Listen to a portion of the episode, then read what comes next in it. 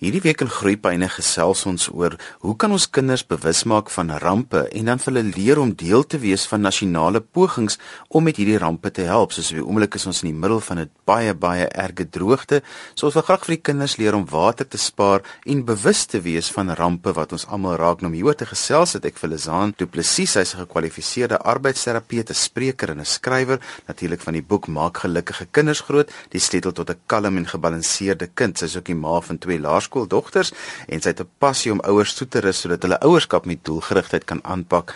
Lizaan, kom ons praat oor die droogte is daarom baie erg en hierop RSG het ons inisiatief om mense nou by te staan met hierdie droogte. Ja nee, ja, ek sien um, jy weet dit is eintlik redelik in die Weskaap vir ons ek wil amper sê in 'n sekere sin maklik om daaroor te praat want ons voel nie dit elke dag nie maar ehm um, jy weet die media en julle soos jy sê by RSG doen 'n goeie werk om vir ons wat hierso sit bewus te maak daarvan. Ek sien hulle sê dit is die derde droogste wat ons ons land nog gesien het in 55 jaar.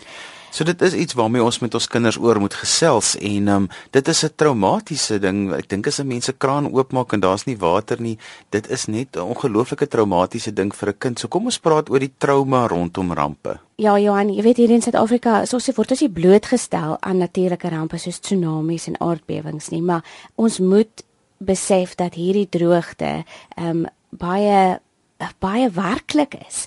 Ehm um, en dat soos jy sê, as ons dit is as 'n kraan oopdraai daar dalk nie water is nie. So ook is daar kinders wat lewe elke dag op die plaas waar daar nie reën val nie, waar daar nie voer is vir die diere nie.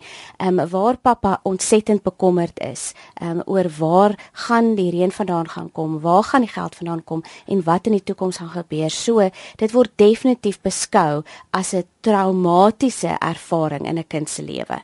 Ehm um, en as volwassenes en ouers wil ons so graag ons kinders hierdie seer en die pyn ehm um, van bespaar. Ons wil graag vir hulle 'n sorgvrye lewe bied, ehm um, waar nie daarin broodgestel word nie, maar dit is ongelukkig nie die werklikheid nie. Wat ons kan doen as ouers om ons kinders weerbaar te maak teen rampe, nie net daai kind wat buitekant staan en bewus maak daarvan nie, maar ook daai kind wat binne in dit is. Ehm um, dan sal dit vir ons kinders soveel ehm um, toerusting gee vir die toekoms, want dit is die lewe, dit gaan gebeur. Hoe maak ons ons kinders weerbaar dat hulle hierdie trauma wat om hulle gebeur want almal wat om hulle is net bewus van hierdie trauma. Diere moet minder gemaak word op die plaas. Dit reën nie daar kan nie gesaai word nie die oes groei nie. Hmm. daar's net 'n klomp faktore wat hierdie kinders net elke dag dan ook mee moet saamleef. En baie keer dan dink ouers dit is eintlik net hulle wat met die probleme sit maar die kinders voel dit maar tog aan. En dit is presies wat jy sê. Um Johannes moet besef dat ons kinders se emosionele regulering. Met ander woorde om sin te maak van dit wat hulle voel ehm um, doen hulle deur te modelleer wat hulle by ons sien Ehm um, hulle is nog nie in staat om self sin te maak van die feite wat om hulle aangaan nie. So hulle hoor pappa en mamma praat van die droogte, hulle hoor dit op die radio, hulle sien dit op die TV. Maar wat maak hulle daarmee? Met ander woorde, hoe hanteer ons hierdie situasie? En en die enigste manier wat hulle dit kan doen, behalwe as wanneer ons met hulle praat, is as hulle sien wat ons doen. Ons weet ons kinders leer baie meer deur dit wat ons doen en dit wat hulle sien ons doen as dit wat ons sê. Um, en dit laat my nou dink aan Dr Levine wat in sy boek Trauma Proofing Our Kids waar hy praat en hy sê hy skep 'n mooi vergelyking. Hy sê ons rol as ouers is soos om 'n pleister of 'n spalk te wees. Ehm um, as ons die pleister of die spalk op 'n gebreekte arm sit, is dit nie wat die breuk herstel nie dit beskerm net die wond of die breek.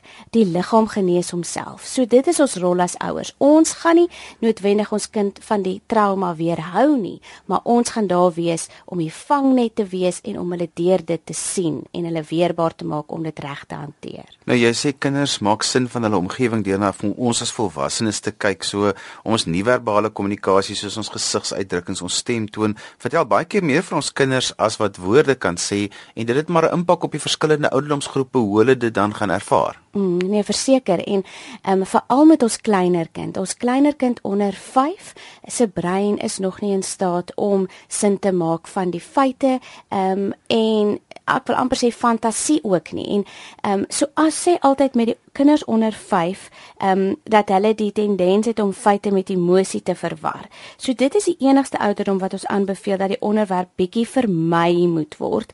Ehm um, ons kan ant vra antwoord van van die wat van die kind afkom, maar ons moet versigtig wees. Ons moenie onnodige inligting gee en dit oordramatiseer nie. Ehm um, dis natuurlik baie moeiliker vir die kind wat homself binne in die rampspoedige gebied bevind om hom daarvan te vrywaar want hy sien dit rondom. Hy sien ehm um, hoe gaan dit. Maar in daardie geval is dit dan belangrik om antwoorde te gee op die vrae wat die kind vra.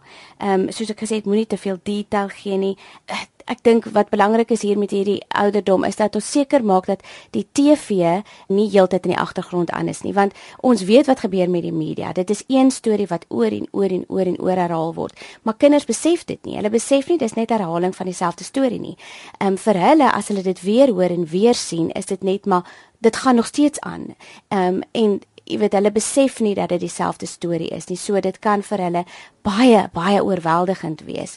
Ehm um, as hulle heeltyd dieselfde storie sien en dieselfde storie hoor. En as ons nou hier by kinders van 5 tot 10 jaar kom, hulle verstaan daarom nou al 'n bietjie meer. Ja nee, verseker verstaan hulle meer, maar weer eens hulle ehm um, kyk wat ons doen um oor hoe om dit te hanteer.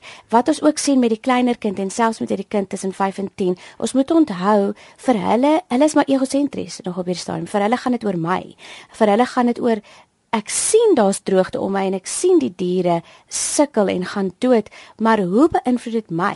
Dit beïnvloed my dalk van ek kan nie meer met water speel nie.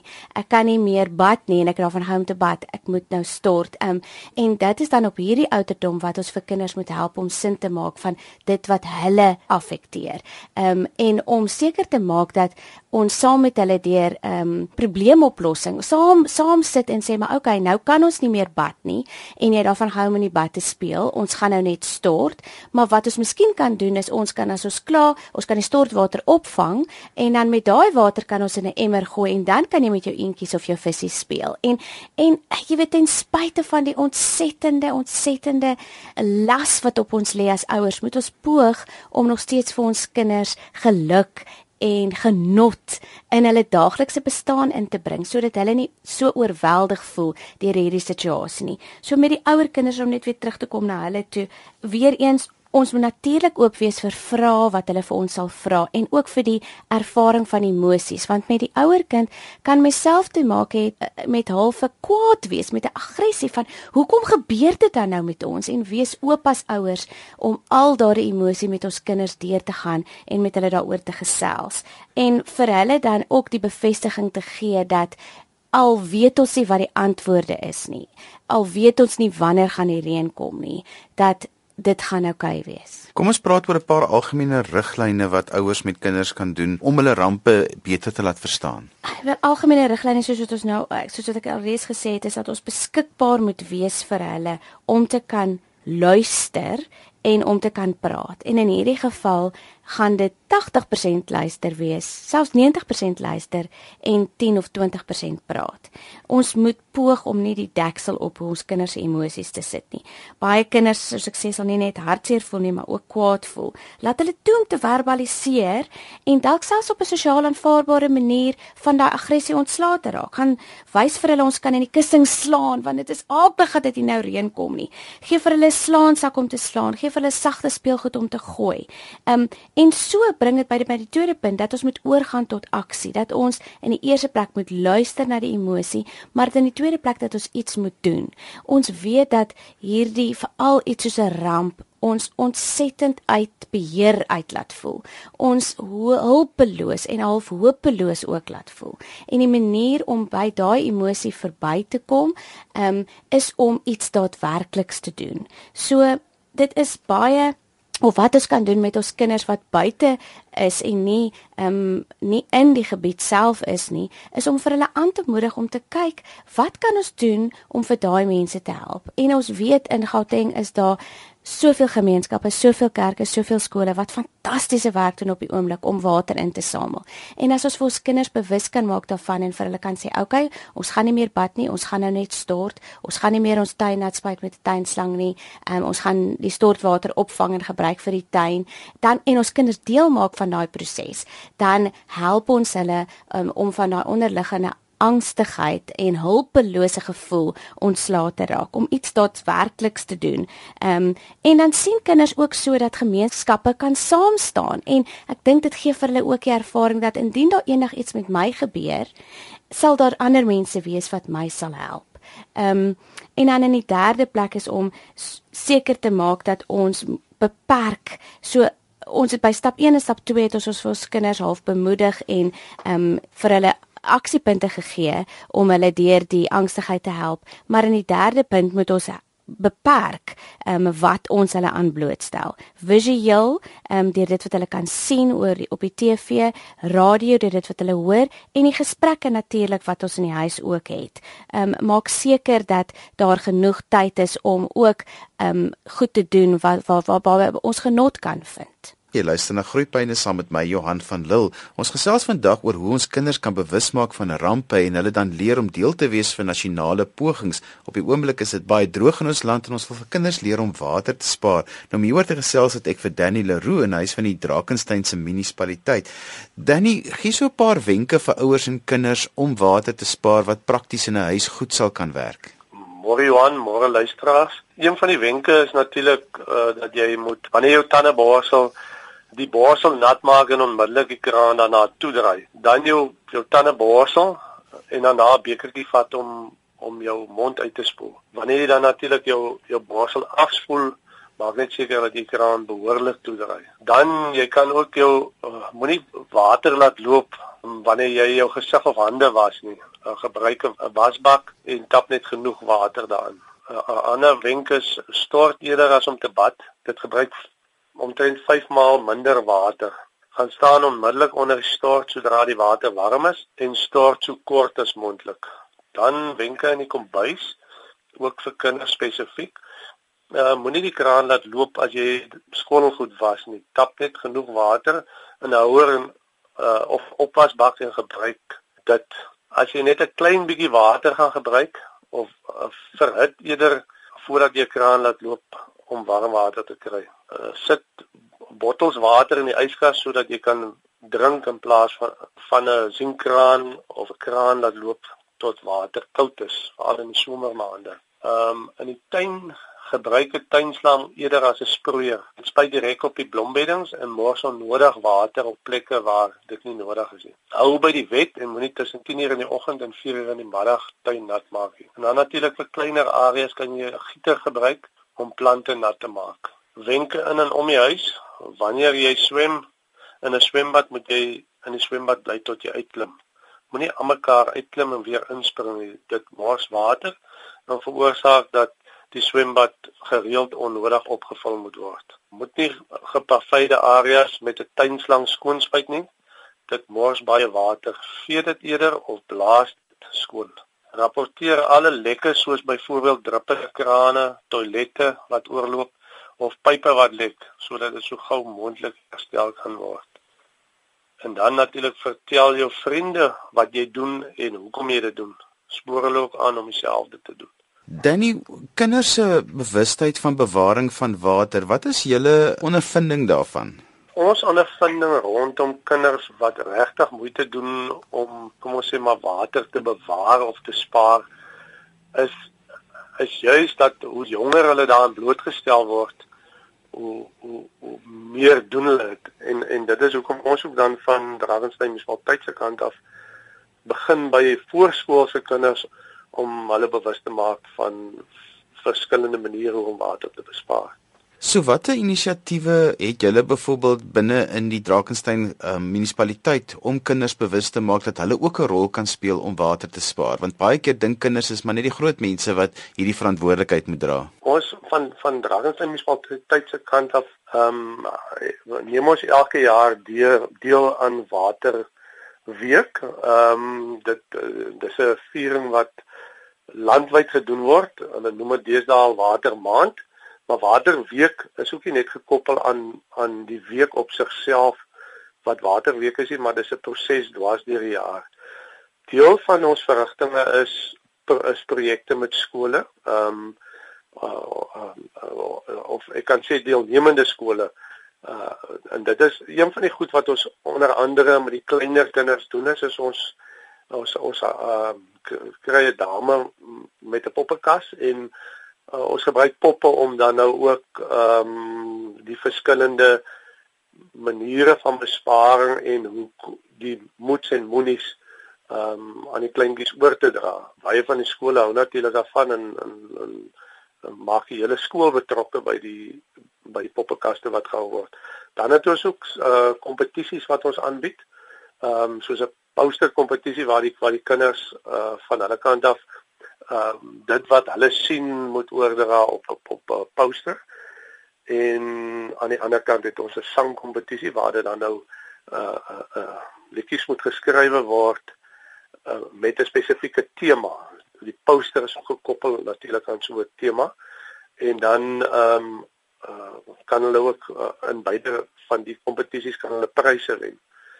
Uh vir die skool. Uh en dan die wenskole uh, dring gewoonlik deur na 'n provinsiale kompetisie as ook 'n nasionale kompetisie en ons ek moet sê ons is trots dat ons laas jaar ook daai kompetisies gewen het.